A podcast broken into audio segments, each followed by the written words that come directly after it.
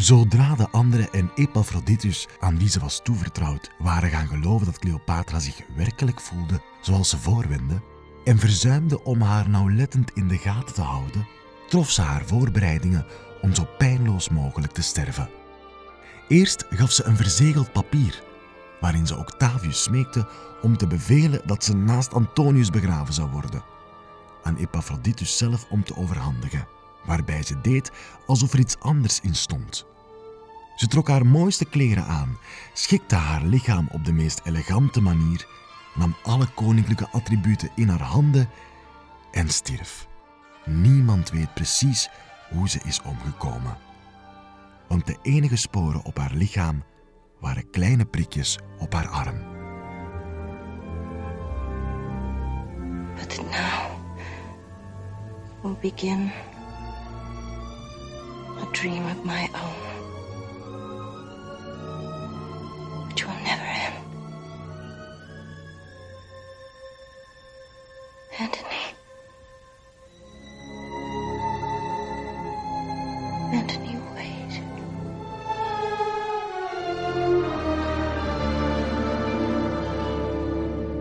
naar het script van Cassius Dio. In zijn uitgebreide Romeinse geschiedenis. Wat een slotscène weer al. Dag luisteraar, wees gerust. Vandaag vragen we u niet om opnieuw een heel toneelstuk uit te zitten, maar we gaan niet liegen. Als u het vorige keer al dramatisch vond, gaat u niet geloven wat we vandaag voor u in petto hebben. Cleopatra is een icoon. Met dank aan Elizabeth Taylor, die haar vertolkte in de epische Hollywoodfilm, maar ook aan Andy Warhol, die haar vereeuwigde in pop art, en uiteraard, hoe kan het ook anders, Shakespeare en zijn tragedie Anthony and Cleopatra. Kunstenaars, schrijvers en Hollywood-producenten hebben al geprobeerd om haar enigmatische persoonlijkheid en uiterlijk tot een beeld te kneden dat past in hun verhalen. En ons verhaal, dat krijgt u vandaag.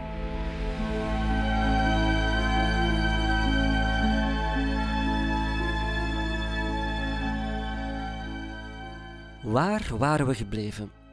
Oh ja, Gaius Julius Caesar is niet meer.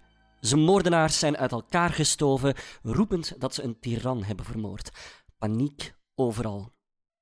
De 25-jarige Cleopatra is op dat ogenblik in Rome. Ze is ver van huis. Voor haar is deze moord niet alleen een politieke schok, maar ook een persoonlijke. Maar niet te vlug. Festina lente, zeggen ze in Rome. Haast u langzaam. Laat ons beginnen bij het begin. Tijd voor een flashback en een serieuze decorwisseling. Rome verandert in Egypte.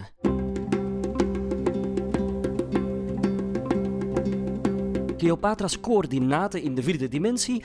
Ze werd geboren in 70 of 69 voor Christus, zoals alle jaartallen vandaag. En ze stierf in augustus van het jaar 30, amper 40 jaar oud. Zij regeerde over een van de grootste koninkrijken van het Middellandse zeegebied. En oud. Egypte is oud. U gelooft uw eigen ogen niet als u het op een tijdlijn zou zien. Zij wordt geboren op een tijdstip dat dichter ligt bij het online verschijnen van deze aflevering dan bij de bouw van de piramides van Gizeh. Die staan er sinds 2500 voor Christus ongeveer. Toen liepen er nog mammoeten rond.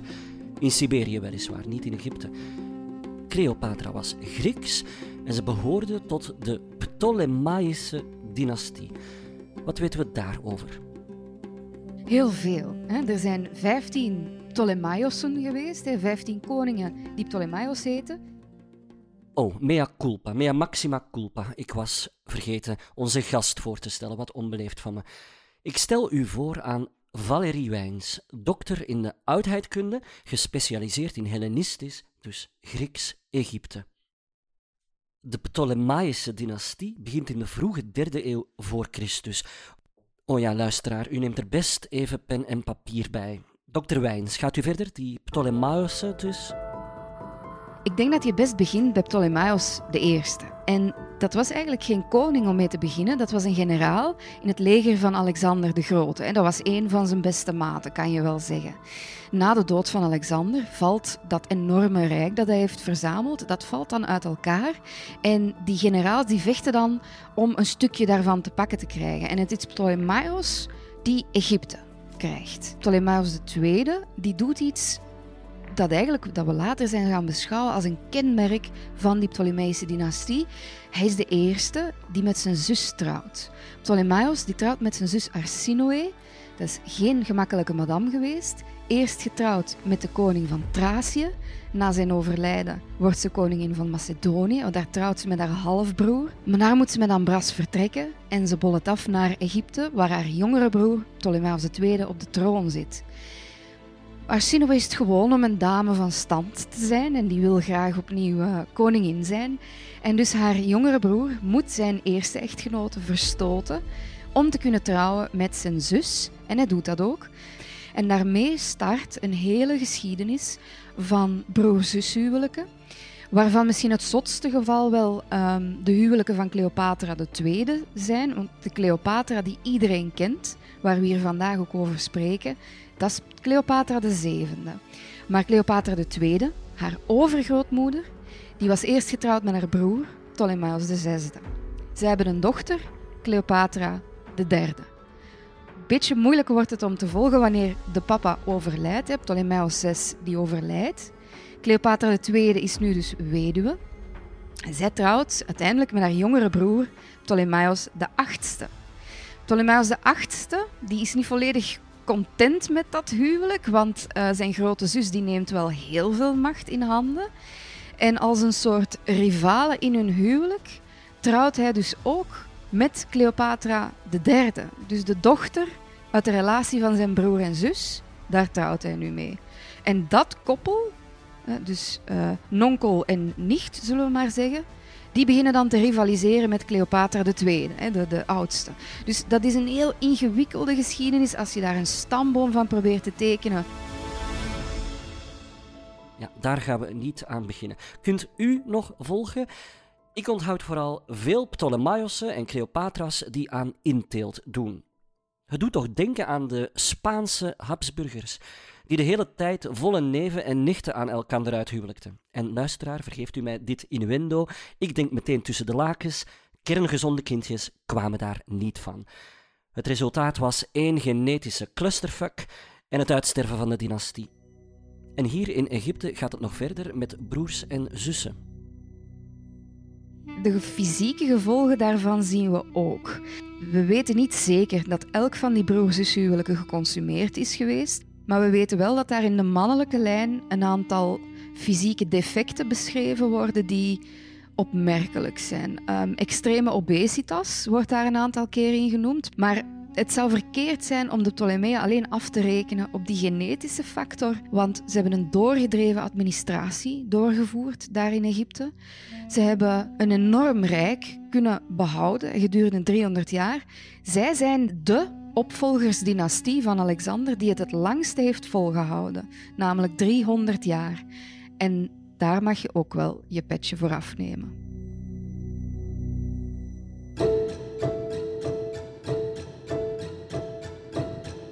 Cleopatra VII is de laatste telg van de dynastie. Ze geniet de beste opleiding.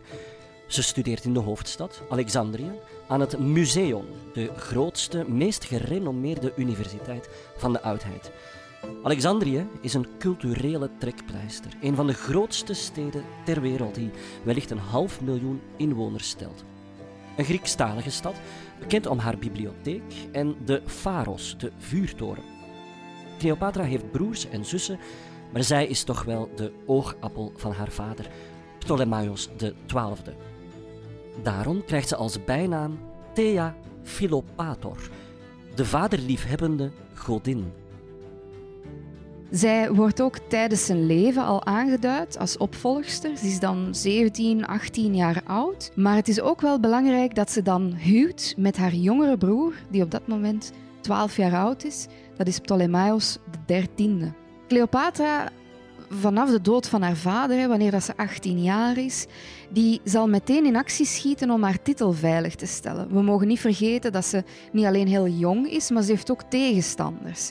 Er heeft zich ook een kamp rond haar broertje verzameld, die van mening zijn dat ze uh, meer invloed zullen kunnen uitoefenen op een, een, minderjarige jongen. Het is ook niet altijd evident om een vrouwelijke koningin te aanvaarden als echt de regent van het land. Ze begint dan ook meteen met traditionele ceremonies uit te voeren die typisch zijn voor uh, een farao. Zo zal zij bijvoorbeeld afreizen uh, naar Memphis om de nieuwe Boegis-stier te installeren. Dat is een van de ja, belangrijkste heilige dieren die dat je terugvindt in Egypte op dat moment.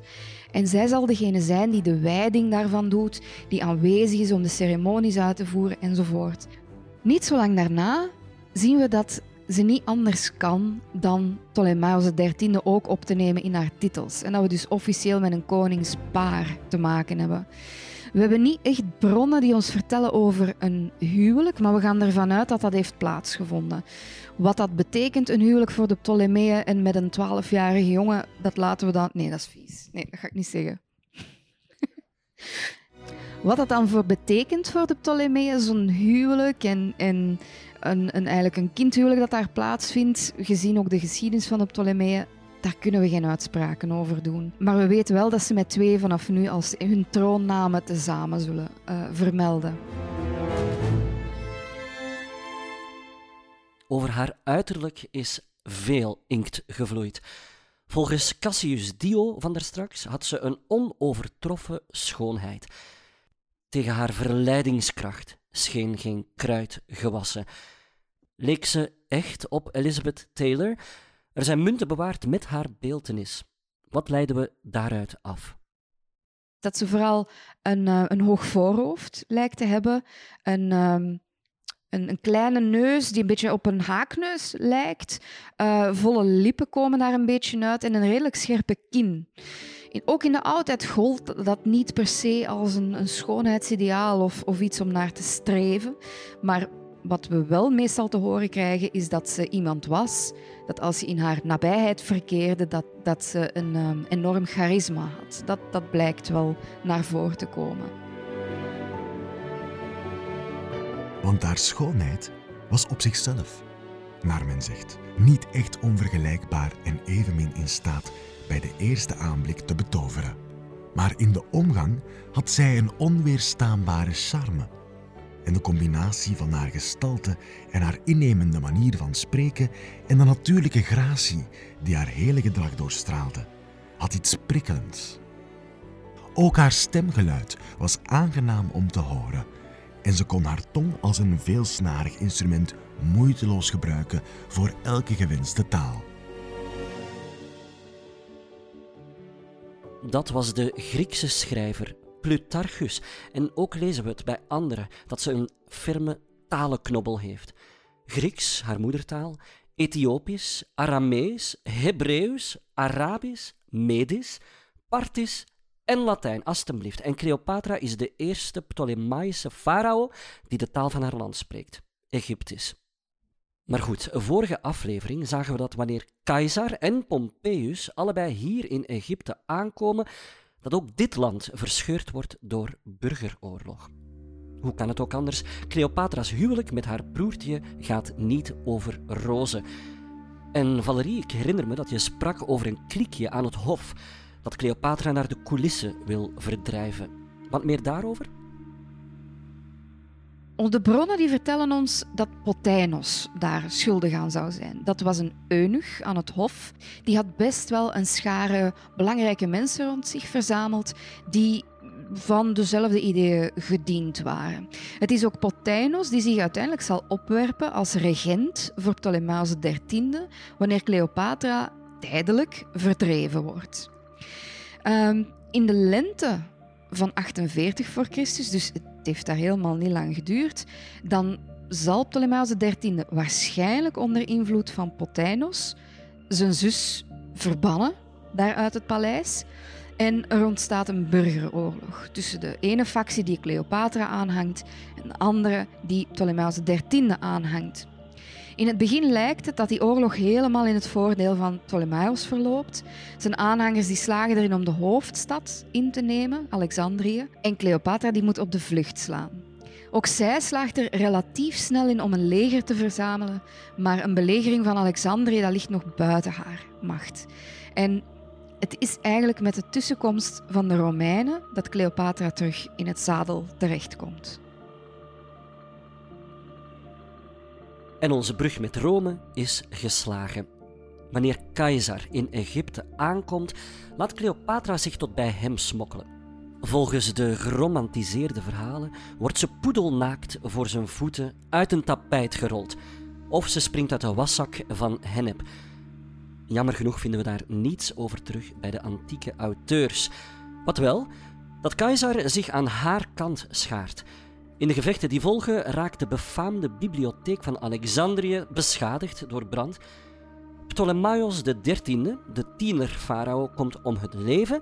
Hij verdrinkt en Cleopatra hertrouwt met haar nog jongere broer, ongeveer 12 jaar oud.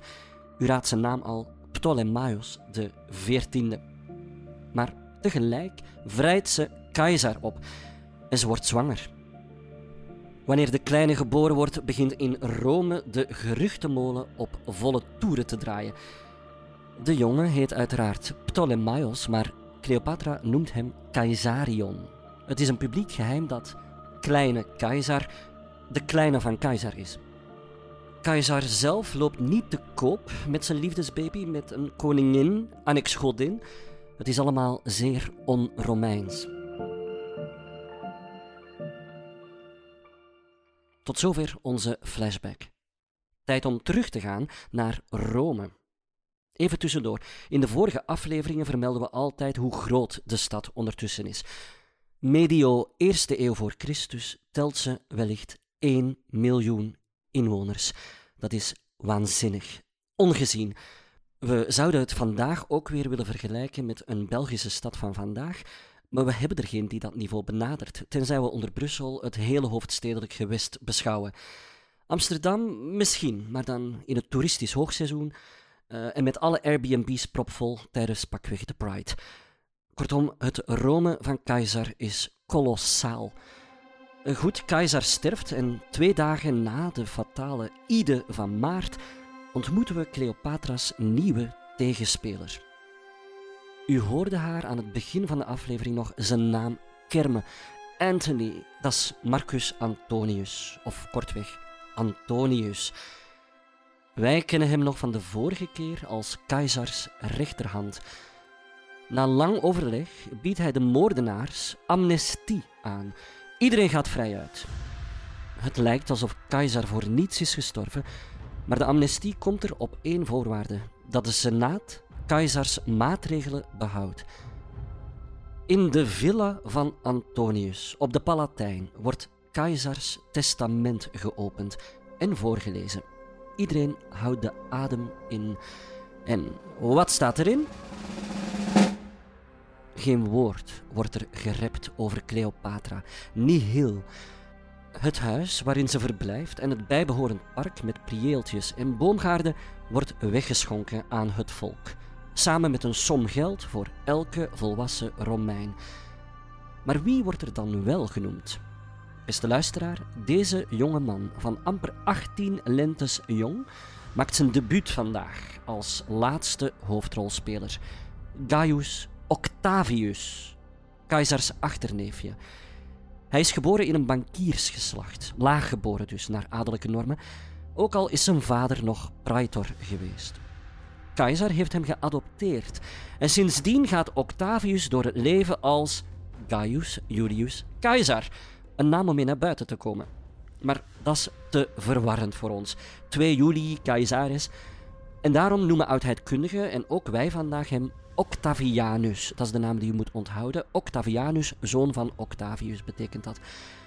Via het testament krijgt Octavianus zomaar eventjes drie kwart van Caesars vermogen. Antonius is er niet goed van, want die moet zich tevreden stellen als voogd van de snotaap. Antonius was liever de belangrijkste erfgenaam geweest dan de belangrijkste babysitter van Rome. Wat ons zorgen moet baren vandaag, eh, maar dat maakt onze aflevering natuurlijk spannend, is dat Keizer nog tijdens zijn leven heeft voorspeld dat het van staatsbelang was dat hij bleef leven. Want als er iets met hem zou gebeuren, zou Rome geen vrede kennen. Ik wil nog niet te veel verklappen, maar het is de rivaliteit tussen deze twee mannen, Keizers strijdmakker Antonius en Keizers adoptiefzoon Octavianus, die een nieuwe burgeroorlog zal ontketenen.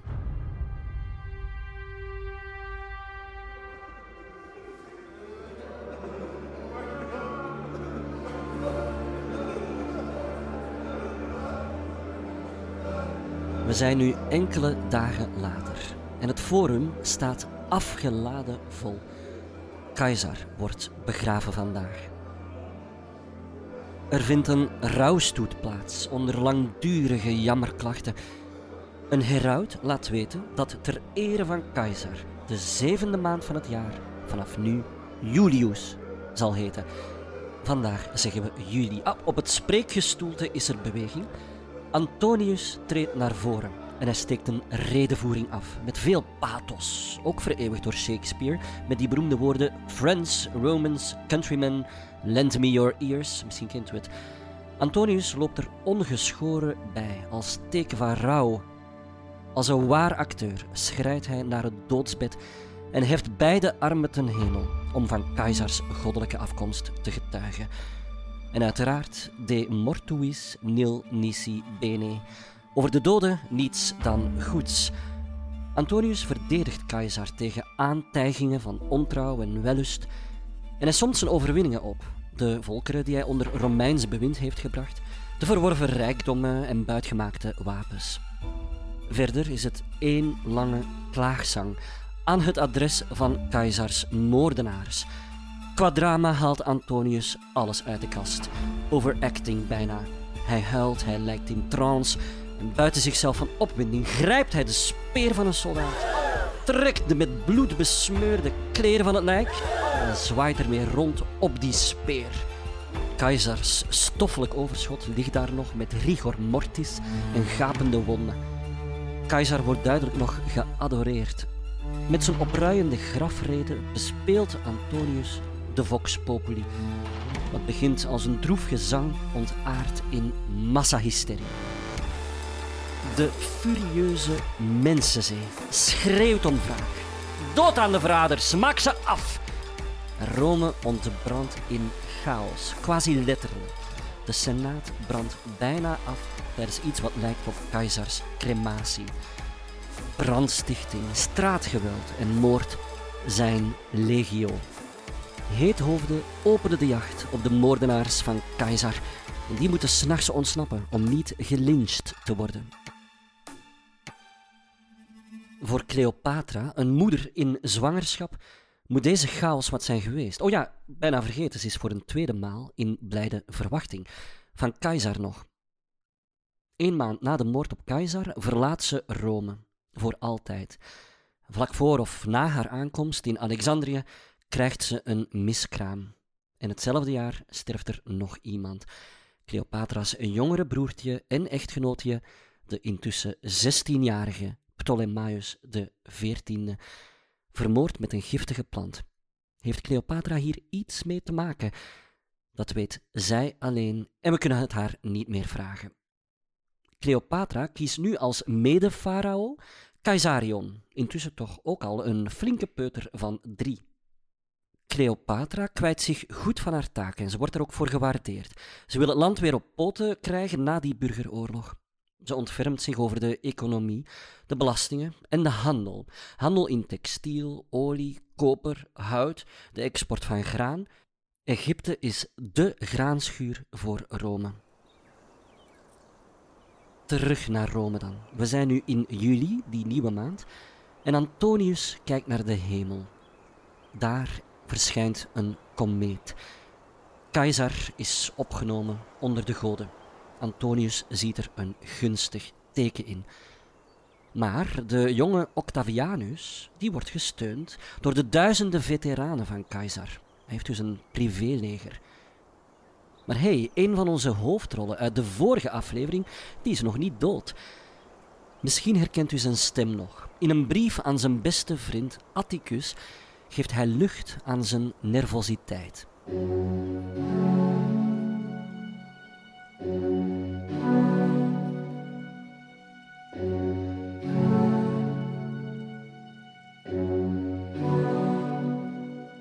Het zal ons niet meer mogelijk zijn, zoals in de oorlog met Caesar, bij geen van beide partijen aan te sluiten. Al wie in de ogen van deze klik misdadigers zijn vreugde geuit heeft bij de dood van Caesar, en geen van ons heeft toen zijn voldoening voor de wereld verborgen, zal als een vijand worden aanzien. Het zal aanleiding geven tot een ware massamoord. We kunnen elkaar enigszins de woorden van Homerus toesturen. De oorlog is niets voor u, mijn zoon. Blijf liever bij de mooie woordkunst. Cicero is de machtigste politicus van het moment, maar toch hoort hij vandaag niet tot onze hoofdrollen. En toch zal zijn hoofdrollen. Oeps, spoiler, niet oké. In de Senaat ontstaat een tweespalt. Aan de ene kant Marcus Antonius met de Caesarianen en daartegenover kamp Cicero, die koste wat kost de republiek wil redden. In de jaren 60 was Cicero nog voor die buitengewone volmachten van Pompeius, weet u nog? Maar nu denkt hij cui bono. Voor wie is dat nog goed? Zoals we weten, Cicero heeft talent voor het woord, maar ook voor op het verkeerde paard wedden. Eerst probeert hij Antonius nog stroop aan de baard te smeren. In brieven naar hem zit hij een beetje te mouwvegen. Maar nu vindt hij die toch de nieuwe bedreiging voor Rome. En Octavianus vindt hij dat weer te jong, te naïef. Maar ja, hij moet dus kiezen tussen de pest of cholera. Of op zijn Romeins, hij moet laveren tussen Scylla en Charybdis. Scylla en Charybdis zijn twee zeemonsters aan elke kant van de straat van Messina, daar aan Sicilië. Octavianus is dan wellicht de minste van de twee kwaden. En daarom kiest Cicero voor de jongeling. En om publiek te maken welk kamp hij kiest, schrijft hij maar liefst veertien toespraken. De Filippische redenvoeringen. Goed, live van op de Rostra, dat is het spreekgestoelte op het forum, spreekt hij ons toe voor de laatste keer. Welke vrede kan er in de eerste plaats zijn tussen Marcus Antonius en de Senaat? Hoe zal hij naar jullie kijken? En hoe zullen jullie naar hem kijken? Wie van jullie zal hem niet haten? Wie van jullie zal hij niet haten? Kom, is het alleen hij die jullie haat en jullie hem? Wanneer hij vindt dat de dood van keizer gewroken moet worden, stelt hij niet alleen de dood voor van de daders van die daad, maar ook van hen die er geen wrok tegen koesteren.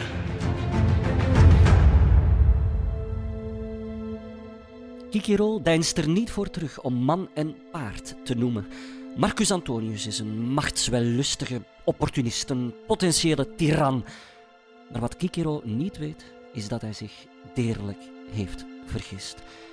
Hij voelt zich te comfortabel in Octavianus' kamp. Want ook onze jongeling is ambitieus. Hij is nu 19 en net consul geworden, zeg. Dat is 20 jaar te vroeg naar republikeinse normen. En bij zijn eerste offer ziet hij 12 gieren. Als u naar onze eerste aflevering heeft geluisterd, dan weet u nog dat Romulus datzelfde voorteken zag bij de stichting van Rome. Ja, voor de mannen van de Senaat bestaat er geen duidelijker teken. Deze jonge man is maar op één ding uit: alleenheerschappij.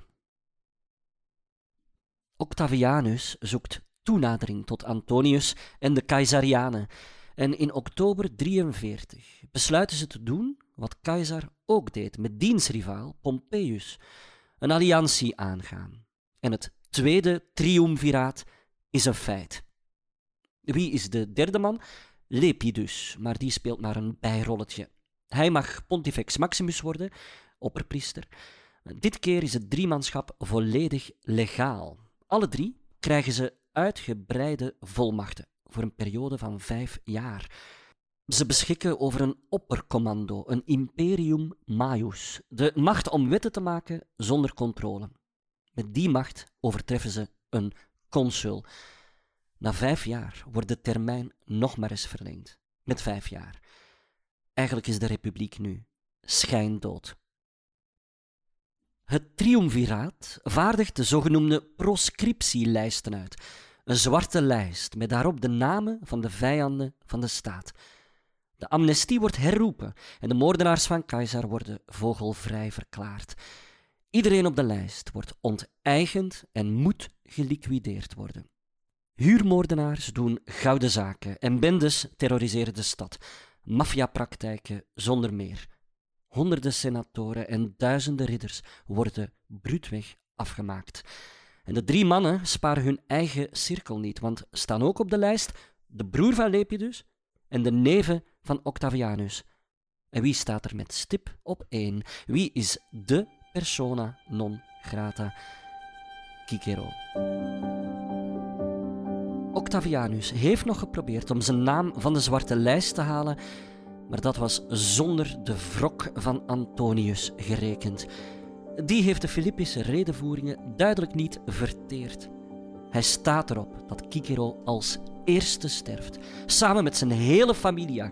Zijn zoon, zijn broers en de zoon van zijn broer en zijn hele huishouden, zijn factie en zijn vrienden.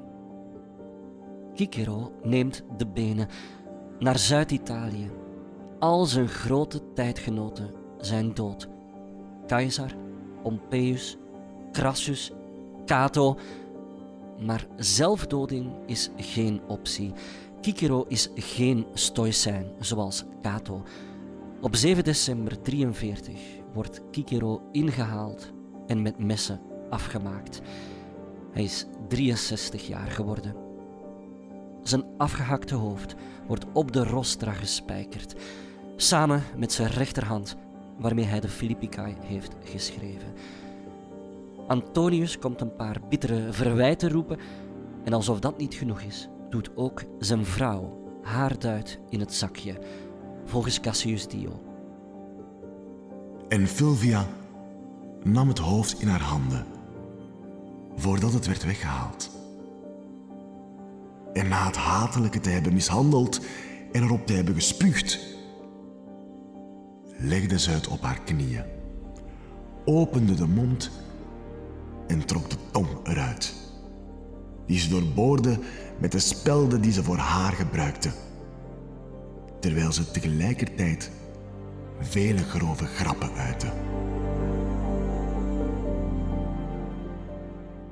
Ja, Fulvia koestert al lang wrok tegen die tong, die gepleit heeft tegen twee van haar echtgenoten. Haar vorige huwelijk was met Cicero's aardsvijand uit de vorige aflevering, Clodius. Cicero was een ware schrijfmachine. Hopen brieven hebben we nog, traktaten, vertaalwerk Grieks-Latijn en filosofische teksten over de goden, over vriendschap of over het ouder worden. Nog steeds leren mensen Latijn door zijn teksten. Wat Fulvia ook wilde bereiken met die spelden, Cicero's nalatenschap blijft toch vooral zijn tong.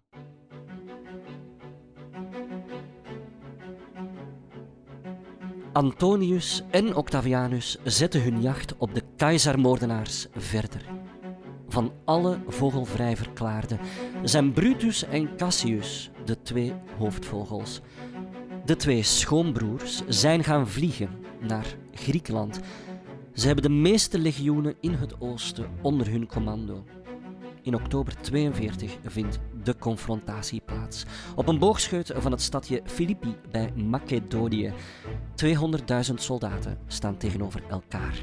Romeinen versus Romeinen. Brutus slaagt erin om de Caesarianen terug te dringen, maar Cassius krijgt te horen dat zijn kameraad zichzelf heeft gedood, waarna hij hetzelfde doet. Fake news, maar Cassius is wel dood nu. Uiteindelijk winnen de Caesarianen en houdt ook Brutus de eer aan zichzelf. Octavianus en Antonius hebben de volledige macht over wat de rest van de republiek. Maar, en dat kan u raden, Ook die samenwerking is geen lang leven meer beschoren. Antonius die begint de draak te steken met Octavianus, omdat die tijdens het grootste deel van de slag in zijn tent heeft gezeten, op bed, zogezegd ziek. In het jaar 41 vat Antonius het plan op om zonder duidelijke reden een oorlog te beginnen tegen de Parten.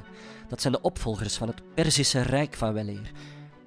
En, zoals u weet van de vorige aflevering, daar, in wat vandaag Iran heet, liggen nog een paar Romeinse legerstandaarden, van die adelaars, sinds die vreselijke nederlaag van Crassus. Nu, voor deze campagne heeft Antonius geld nodig. En wie heeft er geld? Nou, u raadt het al. Hij vraagt Cleopatra om zich bij hem te voegen in Tarsus, in het zuiden van Turkije vandaag. Nu, ik fantaseer graag over hoe ze, wanneer ze elkaar in de ogen kijken, een flashback hebben ervaren. Want ze hebben elkaar al eens ontmoet, 13 jaar geleden. Hij, een stoere 27-jarige officier, zij, een 14-jarige bakvis. De vonk slaat over. Het begint wellicht als een verstandsrelatie, manus manum lavat, de ene hand wast de andere, maar het wordt een romance. Antonius is zo in de pan van haar dat hij zijn invasieplannen opbergt en met Cleopatra naar Alexandria gaat. Zij heeft hem nodig, want Cleopatra's zus, Arsinoe, is een bedreiging voor de troon. Maar Anthony would do anything for love en hij laat haar executeren op de treden van de tempel van Artemis Maar toch trouwt Antonius met iemand anders. Het triumviraat wordt nieuw leven ingeblazen. De mannen proberen het nog één keer en Antonius huwt met de zus van Octavianus, Octavia. Vergelijkend met wat Caesar en Pompeius vorige keer ook deden, een tactiek om een toekomstige tegenstander aan zich te binden. En ook de provincies worden herverdeeld. Antonius van de drie, de beste veldheer, krijgt het oosten. Slim gezien, het oosten is rijker, cosmopolitischer, er zijn meer steden. En Octavianus zal zich dan wel ontfermen over Italië en het westen. Hij laat zich trouwens nu ook Divi Filius noemen, zoon van de vergoddelijkte keizer. Hij krijgt het echt nogal hoog in zijn bol. Oh ja, en Lepidus die wordt een beetje weggeparkeerd. Zijn bijrolletje is zo goed als uitgespeeld. Dus laten we zeggen dat de gekende wereld nu in tweeën is verdeeld. Tussen Octavianus en Antonius. Antonius houdt zich nu dus op met twee vrouwen. Ook al is hij getrouwd met Octavia, zijn flirt aan de Nijl gaat door. In het jaar 40 bevalt Cleopatra van een tweeling, een jongen en een meisje. Alexander Helios, vernoemd naar Alexander de Grote, en Cleopatra Selene. Vier jaar later nog een zoontje, met de verrassende naam, consequent zijn ze hoe dan ook, Ptolemaios. Het zijn kennelijk vruchtbare jaren voor Antonius, want in 39 bevalt Octavia van een dochter, Antonia. En drie jaar later ziet er nog eentje in het levenslicht, nog een meisje met de naam Antonia. Sorry, we doen dit echt niet met opzet.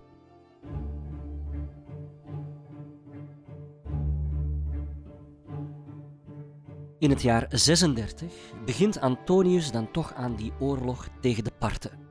Een oorlog die hij verliest trouwens. Maar Cleopatra voegt zich bij hem in Antiochië. En daar trouwen ze. Voorlopig nog geen vuiltje aan de lucht, want volgens de Romeinse wetgeving bestaat dit huwelijk niet. Maar dat verandert wanneer Antonius zijn liefde wil benadrukken via titels en territoria. Cleopatra wordt koningin der koningen en Caesarion wordt koning der koningen. Koning, het K-woord, daar zitten ze in Rome niet op te wachten. En Antonius schenkt Cleopatra, als ging het om zijn privébezit, grondgebied in Syrië en Libanon. Romeins grondgebied. Octavianus is woedend. Ik zou zelfs meer zeggen, hij is ziedend. Wat heeft die Antonius te zoeken bij een exotisch lief, terwijl een goede Romeinse huisvrouw, zijn zus, op hem zit te wachten? In Rome wordt Cleopatra afgeschilderd als een, als een buitennissige Oosterse toverkol die Antonius verwijfd heeft gemaakt. Ze zou een bad nemen in ezelmelk en wat vindt u van deze notoire Romeinse roddel? In een weddenschap met Antonius over de vraag wie kan de duurste maaltijd op tafel krijgen, zou Cleopatra hebben gezegd ikke en daarna een parel hebben doorgespoeld met een glas wijn.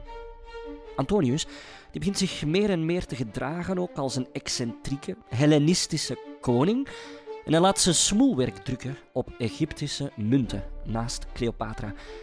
Cleopatra doet de hele tijd alsof ze de Egyptische godin Isis is.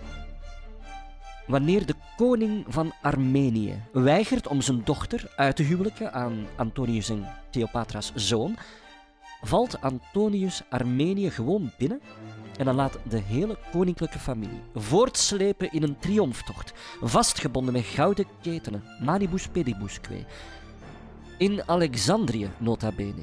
En hij kleedt zich als Dionysos, de wijngod. Ja, in Rome zijn ze nu echt verontwaardigd. En de propagandamachine maar gal over en weer spuien.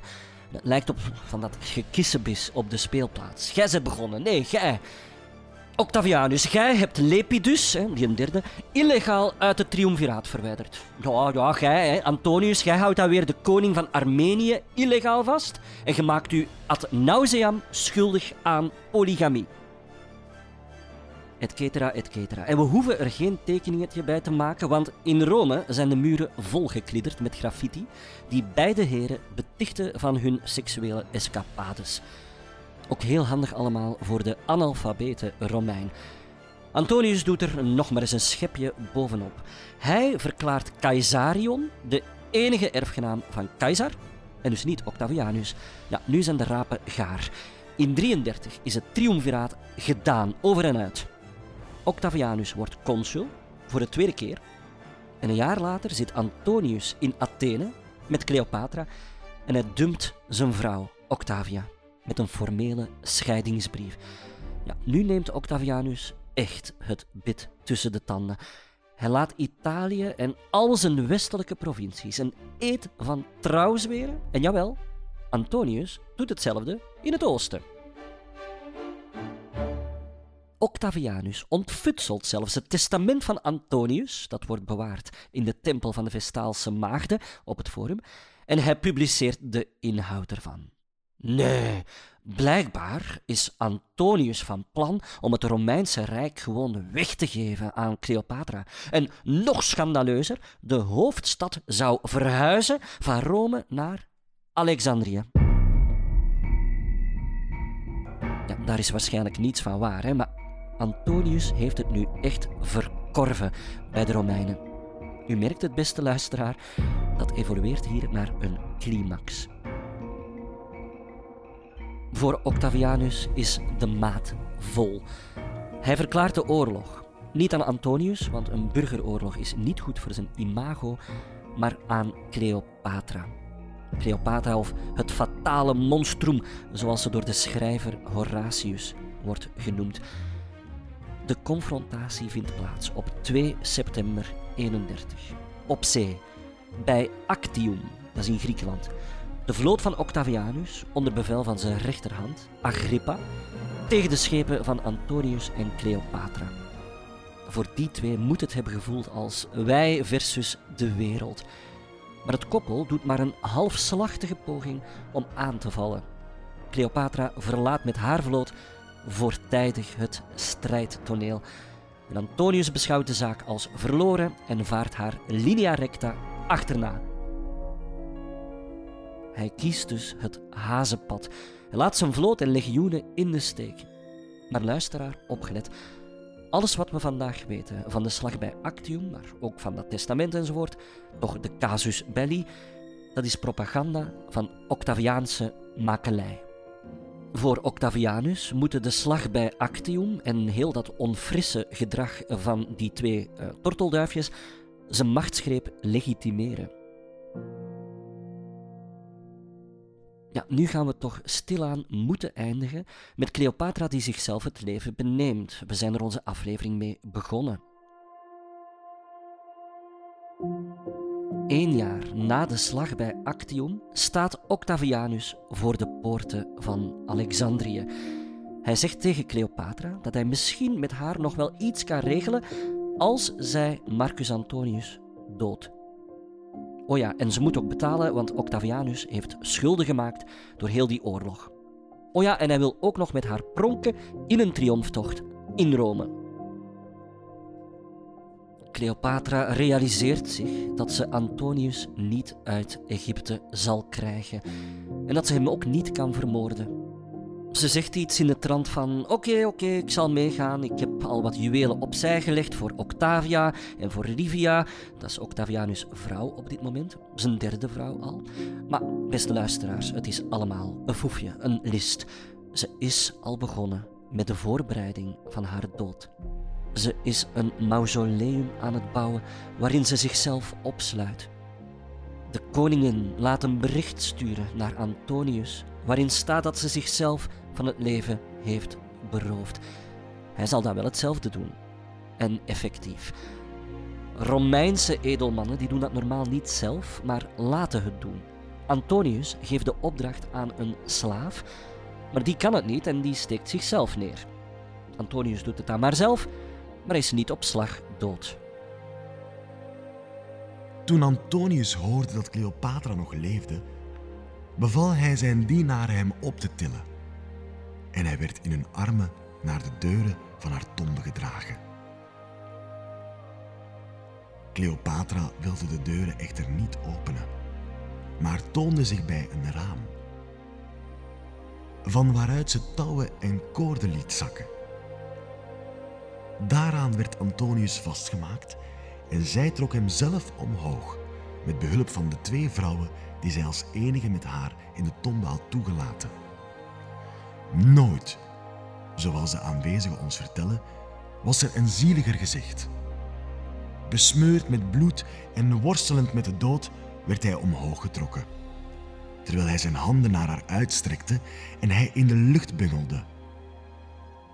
Want het was geen gemakkelijke taak.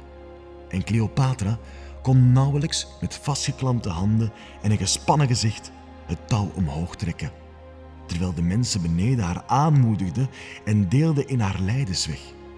En toen ze hem zo binnen had gekregen en neergelegd, scheurde ze haar kleren over hem heen, sloeg en scheurde met haar handen op haar borsten, veegde wat van zijn bloed van haar gezicht af en noemde hem meester, echtgenoot en keizer. Maar Antonius stopte haar weeklachten en vroeg om een slok wijn. Het zij omdat hij dorst had. Het zij in de hoop op een snellere verlossing.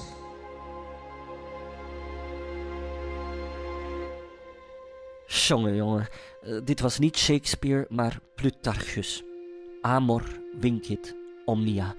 Liefde overwint alles. Antonius sterft in haar armen. Cleopatra doodt zichzelf op 12 augustus. Antieke auteurs weten zelf niet zo goed hoe. Een adder verstopt in een mand vijgen, maar dat is nonsens, want adders komen daar niet voor en hun beet is niet dodelijk. Een cobra dan? Zichzelf met een naald geïnjecteerd? We weten alleen dat het gif was. En dan nog, sommige historici zeggen dat Octavianus haar door een soldaat uit de weg heeft laten ruimen. Wat er ook van zij, onze hoofdrolspeelster, de laatste farao van Egypte, komt aan haar einde. Quod erat demonstrandum. Net als de Punische oorlogen van aflevering 2 werd de slag bij Actium, de ondergang van Antony en Cleopatra, ingeschreven in het collectieve geheugen. Vlakbij Actium verscheen een nieuwe stad, Nicopolis, de stad van de overwinning. Vele veteranen die voegden Actiacus aan hun naam, als teken van ik was bij de slag bij Actium, ik heb het overleefd. Monumenten in Rome stelden de slag voor als een clash tussen de deugdelijke Romeinen en decadente, aan luxe verslaafde Oosterlingen. Wij naderen het einde van deze aflevering en ook ineens van de Romeinse Republiek. Vrijwel al onze hoofdrolspelers zijn dood afgevoerd, ook Cleopatra. Iedere luisteraar zal Cleopatra wel gekend hebben voor hij begon te luisteren. En hopelijk bent u het met ons eens, door al haar wederwaardigheden is ze een superster. Als geschiedkundige zijn we geïnteresseerd in de bronnen. Valérie, welke fysieke sporen heeft haar passage op deze aarde achtergelaten? We hebben één handgeschreven woord van Cleopatra zelf, waarschijnlijk, want we kunnen daar niet 100% zeker van zijn. En dat is een papyrustekst uit 33 voor Christus. Het is een uh, koninklijk besluit, dus een, een werkdocument, waarop onderaan gekrabbeld staat Ginesto, laat het gebeuren. En dat betekent eigenlijk dat Cleopatra zegt, oké, dit mag uitgevoerd worden. En van dat document vermoeden we sterk dat zij dat zelf ondertekend heeft. Uh, dus, als ik het goed begrijp, stricto sensu heeft ze wel geteld één spoor achtergelaten. Eén woord van de beroemdste vrouw uit de geschiedenis. Mm, ja, goh, ja, deze berg heeft een muis gebaard. Hoe komt het dan dat ze überhaupt beroemd geworden is? Wel, zij leeft natuurlijk op een kantelpunt in de Romeinse geschiedenis. En het zijn ook de Romeinen die ons vooral over haar vertellen. Dus dat speelt natuurlijk in de voordeel van haar bekendheid. Ze is ook niet de enige ja, regerende koningin in de oudheid. Dat we nu zouden zeggen van ja, ze was de enige Hellenistische vorstin uh, bijvoorbeeld. Dat is ook niet waar. Zo is er bijvoorbeeld Zenobia van Palmyra waarvan ik denk dat er minder belletjes gaan rinkelen.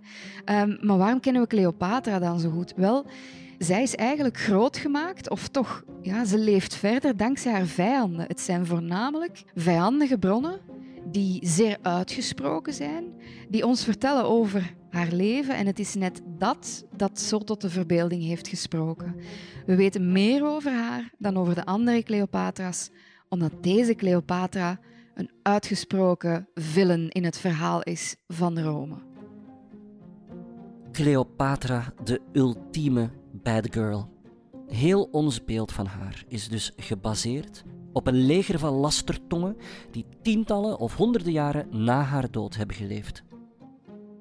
Alsof je de geschiedenis van Amerika zou laten schrijven door Mao. Het is de geschiedenis van een persoon die gedemoniseerd is en je krijgt alleen dat ene perspectief. De mythes die rond haar ontstaan, waar mensen graag over praten, fantaseren, dat is natuurlijk Cleopatra's uiterlijk, het neusje van Cleopatra en haar seksuele aantrekkingskracht.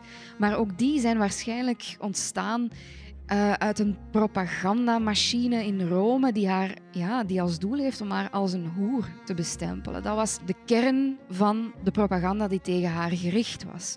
Ze richt twee beroemde Romeinse generaals ten gronde. Um, ze is de ultieme verpersoonlijking van vrouwelijk kwaad. Ook over haar zogenaamde seksuele ervaringen, waarmee dat ze mannen kon betoveren. Alles dat we over haar weten als een soort seksueel roofdier, dat staat op losse schroeven. Cleopatra is 21 wanneer dat haar relatie met Keizer begint. Hij is 53 op dat moment. Voor een jonge vrouw in haar situatie lijkt het eerder onwaarschijnlijk dat als ze al enige seksuele ervaring had, dat die erg uitgebreid zou zijn geweest. Vandaag zouden we het slutshaming noemen.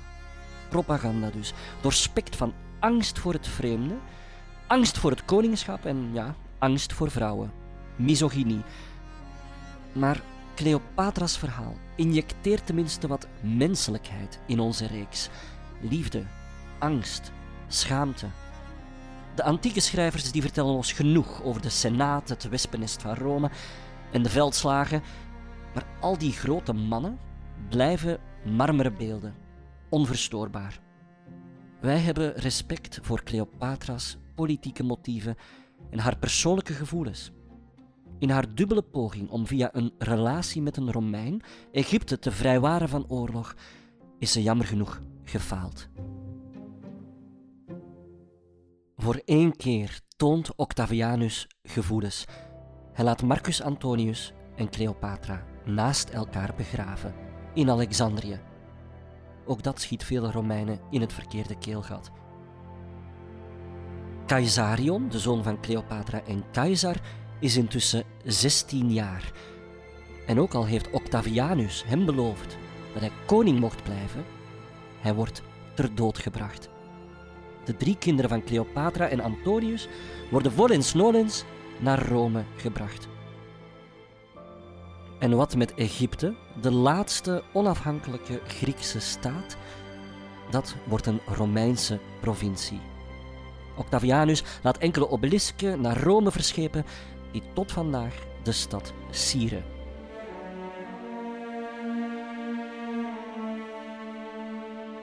Beste luisteraars, we zitten op een belangrijk punt in onze reeks. Sommigen van u weten wat er nu gebeurt met het Romeinse Rijk. Maar de ontmanteling van de Republiek was geen gepland scenario geschreven door Octavianus. Los van dit endgame was de weg naar dictatuur hoe dan ook ingezet. Dit verhaal had ook kunnen eindigen met Pompeius of Marcus Antonius en zijn Cleopatra. Brutus, een van die keizermoordenaars, die wist zich te profileren als bevrijder en liet zichzelf al afbeelden op munten. Nee, nee, net als keizer had Octavianus bijzonder veel geluk. En Rome was intussen veel meer dan de stad alleen. Haar bestuursinstellingen hadden zich nooit aangepast aan het wereldrijk dat ze was geworden. Vele Italianen voelden zich twee keer burger, één van hun eigen stad en één van het Romeinse Rijk. Maar weinigen deden de moeite om honderden kilometers verderop hun magistraten te gaan kiezen. We weten niet of de Romeinen zelf het einde van hun republiek aan de lijve hebben ervaren. Twee afleveringen lang zagen we de moordende machtsstrijd om topfuncties. Wie een imperium binnenhaalde, de militaire en politieke macht, die torende hoog uit boven de Senaat.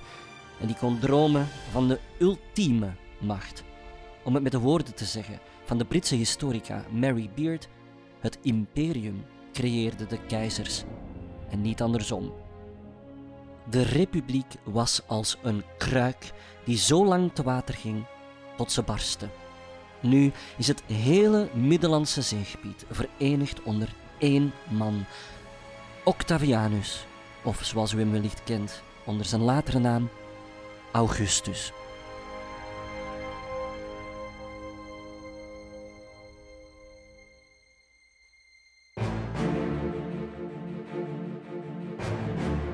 Wij zijn weer aan het einde van ons Latijn. Of nee, toch niet. PS, postscriptum. Voor deze aflevering bedanken we mijn collega en historical bestie Valerie Wijns voor haar inzichten. En voor hun gewaardeerde stemmenwerk bedanken we Wart Bal en Laurens Sluiten. Wij zijn geschiedenis voor herbeginners. Dat zijn Laurent Pochet en Benjamin Gooivaars, die schrijven mee de tekst. En Filip Vekemans voor de montage. Mijn naam is Jonas Goosenaerts. Wij staan op Facebook en Instagram. Als u ons wil steunen, dan kan dat. Bij uitgeverij Lano hebben we een kalender gemaakt. Geschiedenis voor herbeginners in 365 dagen. Ook kunt u ons een fooi geven naar believen via www.fooiepot.com schuine streep geschiedenis voor herbeginners. Graag tot de volgende keer.